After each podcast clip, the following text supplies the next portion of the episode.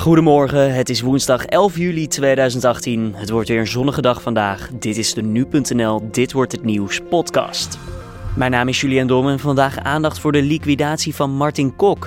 Kok werd bekend vanwege zijn misdaadblog Flinders Crime. was dat hij alle informatie die hij kreeg gewormen op zijn site gooide met, met alle gevolgen van dien. En misschien wel het gevolg dat hij zich liquideert. Daar, daar, daar wordt wel sterk rekening mee gehouden, ja. Verder blikken we vooruit op het besluit van de provincie Flevoland over de Oostvaardersplassen. Maar eerst kijken we kort terug naar het belangrijkste nieuws van afgelopen nacht. In de Franse stad Nice zijn dinsdagavond 27 mensen gewond geraakt doordat paniek ontstond na het afsteken van vuurwerk. Dat gebeurde aan het einde van de WK-wedstrijd tegen België op een plein in de stad. Veel aanwezigen dachten vanwege de harde knallen het ergste en sloegen daardoor op de vlucht. Facebook krijgt waarschijnlijk een boete van 500.000 Britse pond, circa 550.000 euro. Dat gebeurt voor datalek en het schandaal rondom Cambridge Analytica. Daarbij zijn de gegevens van bijna 87 miljoen mensen in handen van dat bedrijf gekomen, zonder dat die mensen daarvoor toestemming hadden gegeven. Facebook krijgt nog de tijd om te reageren op de boete opgelegd door Groot-Brittannië. De VS dreigt met extra heffingen op Chinese goederen. Gesprekken om de handelsoorlog te beëindigen zijn op niets uitgelopen namelijk. Op de lijst met zaken die mogelijk getroffen worden door de nieuwe heffingen staan onder meer banden, toiletpapier, deuren en fietsen. In totaal gaat het om meer dan 200 producten. En dan kijken we naar de nieuwsagenda van deze woensdag 11 juli. De uitgesproken misdaadjournalist Martin Kok, bekend van de website Flinders Crime, werd op 8 december 2016 geliquideerd. Vandaag staat de zaak op de agenda bij de extra beveiligde rechtbank op Schiphol. Een 25-jarige man, Ashraf B., die wordt verdacht van moord en poging daartoe. Rechtbankverslaggever Joris Peters is aangeschoven. Joris, Eerst even de website van Kok, dat was dus vlinderscrime.nl. In het kort, wat voor misdaadblog was dit precies? Ja, dat is wel een, uh, het, het, was een hele opvallende site, laten we, de, laten we daarop houden. Maar in ieder geval, eh, kijk, Martin Kok is zelf een crimineel geweest. Mhm. En hij heeft, eh, daar, daarvan heeft hij heel veel contacten overgehouden, ook in de criminele wereld. En heel veel van die, van die jongens of vrienden daar weer van, die leefden uh, Kok informatie over de criminele wereld. Dus hij wist bijvoorbeeld heel snel, als iemand was geliquideerd, wie dat was. Maar hij, hij had zijn lijntjes. Hij had zeker lijntjes en hij had ook gewoon mensen die nog in de gevangenis zaten, die wel stiekem foto's voor hem namen en zo. dat plaatste hij eigenlijk allemaal door op zijn site. Dus uh, de, de, dit, uh, hij is een misdaadjournalist, maar de term journalist is door, wordt door collega's nog wel eens betwist, omdat hij uh, niet echt hield aan de journalistieke regels. Hij ging het niet controleren. Nee, hij gooit het gelijk op zijn site. Je zou het meer kunnen noemen als een misdaadblogger of zo. Ja, dat, dat zou eigenlijk een betere omschrijving zijn, omdat hij dat gewoon, uh, dat, dat was, dat was daar is hij ook vaak voor gewaarschuwd hè, dat het zo gevaarlijk was dat hij alle informatie die hij kreeg gewoon op zijn site gooide met, met alle gevolgen van dien. En misschien wel het gevolg dat hij zich liquideert. Daar, daar, daar wordt wel sterker rekening mee gehouden. Ja. ja, precies. Het was een populaire site in het circuit? Ja, zeker. Iedereen keek er wel op. Maar ik bedoel, ook een, een, een, een impopulaire site in het circuit. Omdat uh, hij plaatste ook foto's zonder balkjes. Uh, van ontmoetingen tussen criminelen. Dat gooide allemaal op zijn site. Dus het, ja, het was gewoon eigenlijk heel gevaarlijk uh, wat hij deed. Is dat geen filter meer tussen bewijzen? Nee, zeker niet. Nee, nee. Dat, en dat, dat is, daar is hij ook vaak genoeg, vaak genoeg voor gewaarschuwd. Ook door collega's. Maar hij, hij sloeg die waarschuwingen vaak in de wind. Ashraf ja. B dan, ja, die wordt nu nog verdacht. Maar dat is de enige, maar maandag waren er nog twee verdachten. Eh, hoe zit dat precies? Ja, ja de andere verdachte dat is uh, Zakaria A. Hij is nog steeds verdachte. Alleen het Openbaar Ministerie heeft voor gekozen om hem nog niet voor de rechter te brengen. Uh, de reden daarvoor is dat ze eigenlijk nog niet genoeg bewijs hebben om hem ook veroordeeld te krijgen. Okay. vandaar dat ze nu kiezen, oké dan staken we dan de vervolging. Maar we blijven nog wel steeds onderzoeken met politie en onderzoek doen. En die tweede verdachte die blijft wel gewoon langer vastzitten, want hij zat al sowieso vast voor iets anders, toch? Ja, klopt. Hij zat vast voor wapenbezit. En daarvoor zit hij nu een straf uit. Dus hij blijft inderdaad sowieso vastzitten. Hij komt niet vrij. Uh, en misschien om goed nog wel even te zeggen is dat er is een, een, een rapportage gemaakt op, op basis van zijn beweging. Er is een bewegingsanalyse gemaakt. Um, er zijn beelden van hem uh, opgenomen in de Albert Heijn. En die zijn vergeleken met de beelden die, uh, die we kennen van de mislukte aanslag op Martin Kok. Ook op 8 december. en die beelden zijn toen vergeleken. En de eerste deskundige zei... De kans is zeer waarschijnlijk dat hij dat dit om dezelfde dezelfde persoon gaat. En dan, dan hebben we het over de tweede verdachte. Ja, nee, over Zakaria A. Ja. ja. dus die vandaag niet terecht staat.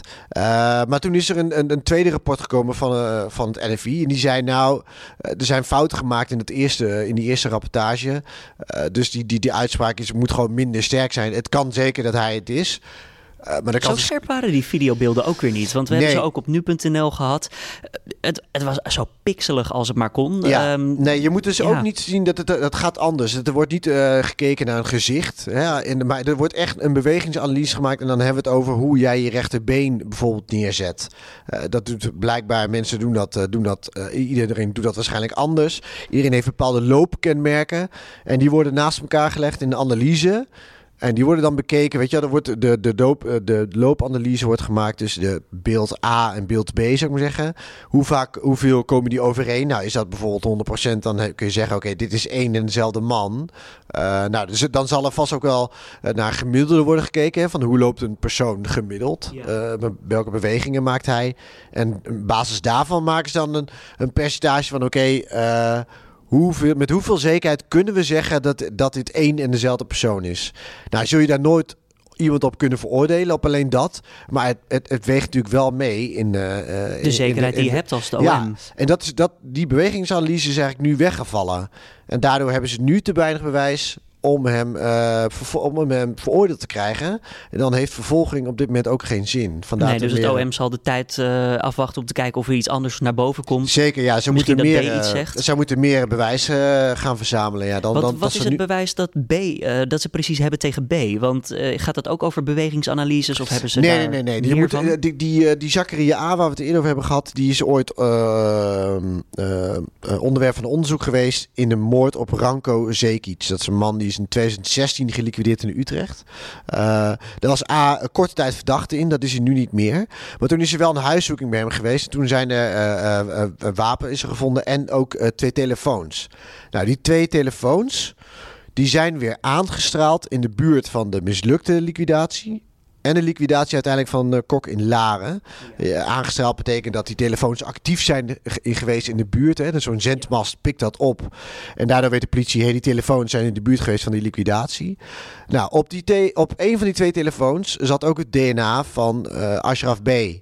en daarom zijn, zo zijn ze hem op het spoor gekomen. Dat is de verdenking tegen hem. waarom hij medeplichtig zou zijn, ja.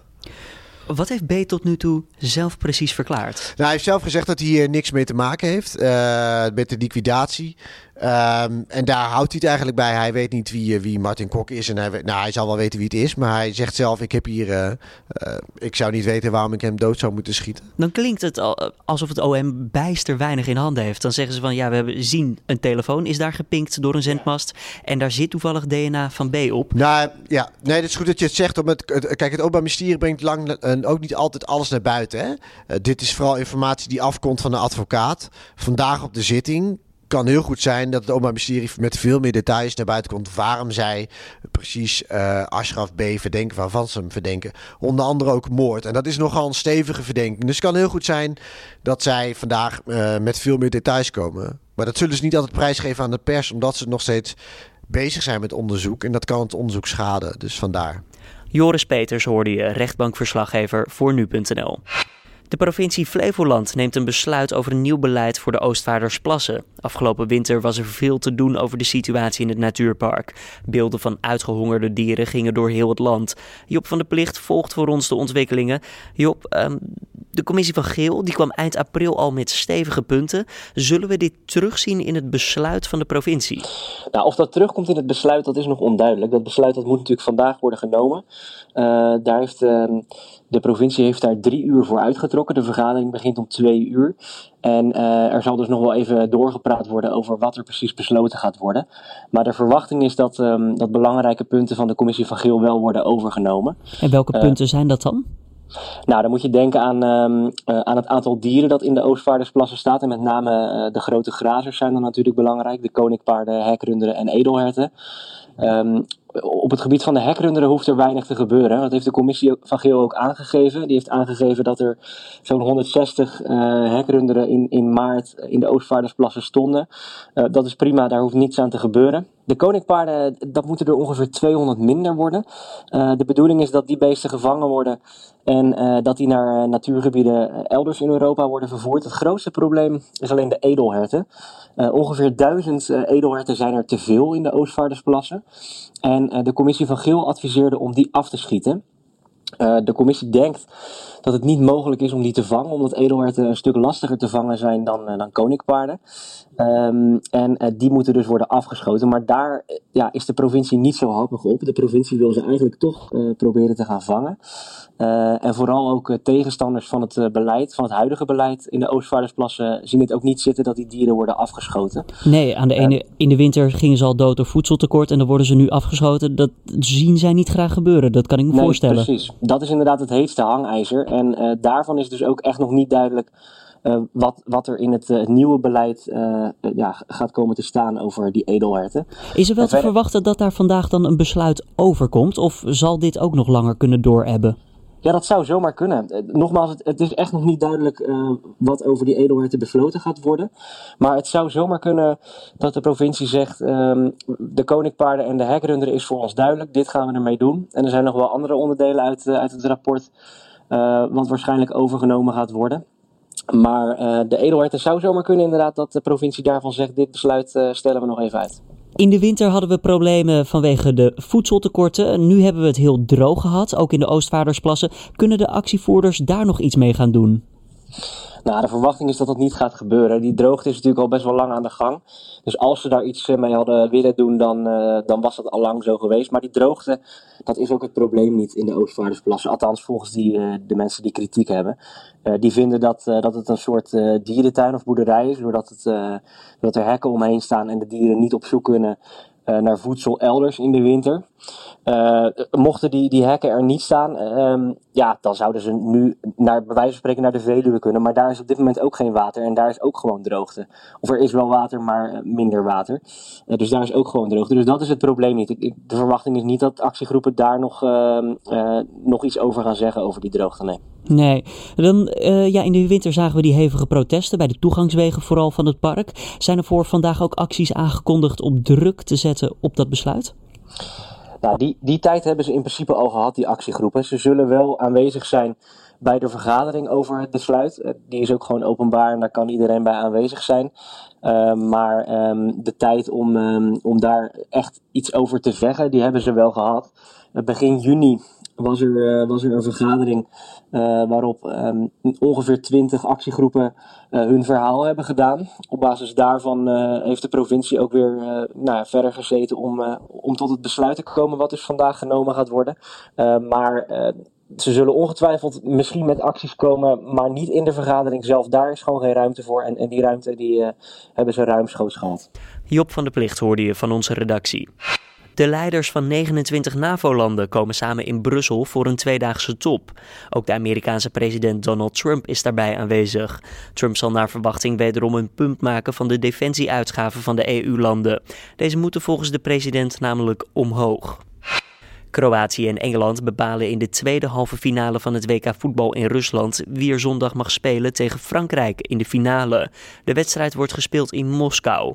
Kroatië behaalde de halve finale door na strafschoppen te winnen van Rusland en Engeland versloeg Zweden en hoopt daarmee voor de eerste WK-finale sinds 1966. De wedstrijd begint om 8 uur vanavond. Dan nog even het mediaoverzicht voor deze woensdag. Nieuwe woningen worden steeds vaker verkocht aan de hoogste bieder. Dat in plaats van een verdeling door middel van een loting, schrijft de Volkskrant.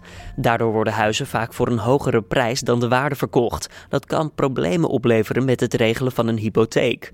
Bij een loting staat de prijs vast en betaalt iedereen dezelfde prijs. Ambulancemedewerkers hebben veel aan een tolken-app bij het helpen van mensen die geen Nederlands spreken. Dat valt te lezen in het AD. De app staat op de telefoon van ambulancepersoneel in zeven regio's in Nederland en er staan in acht talen algemene vragen over de gezondheid in. Zo kunnen bijvoorbeeld Poolse mensen die niet of nauwelijks Engels en Nederlands spreken toch aangeven wat ze mankeert en of ze medicijnen slikken.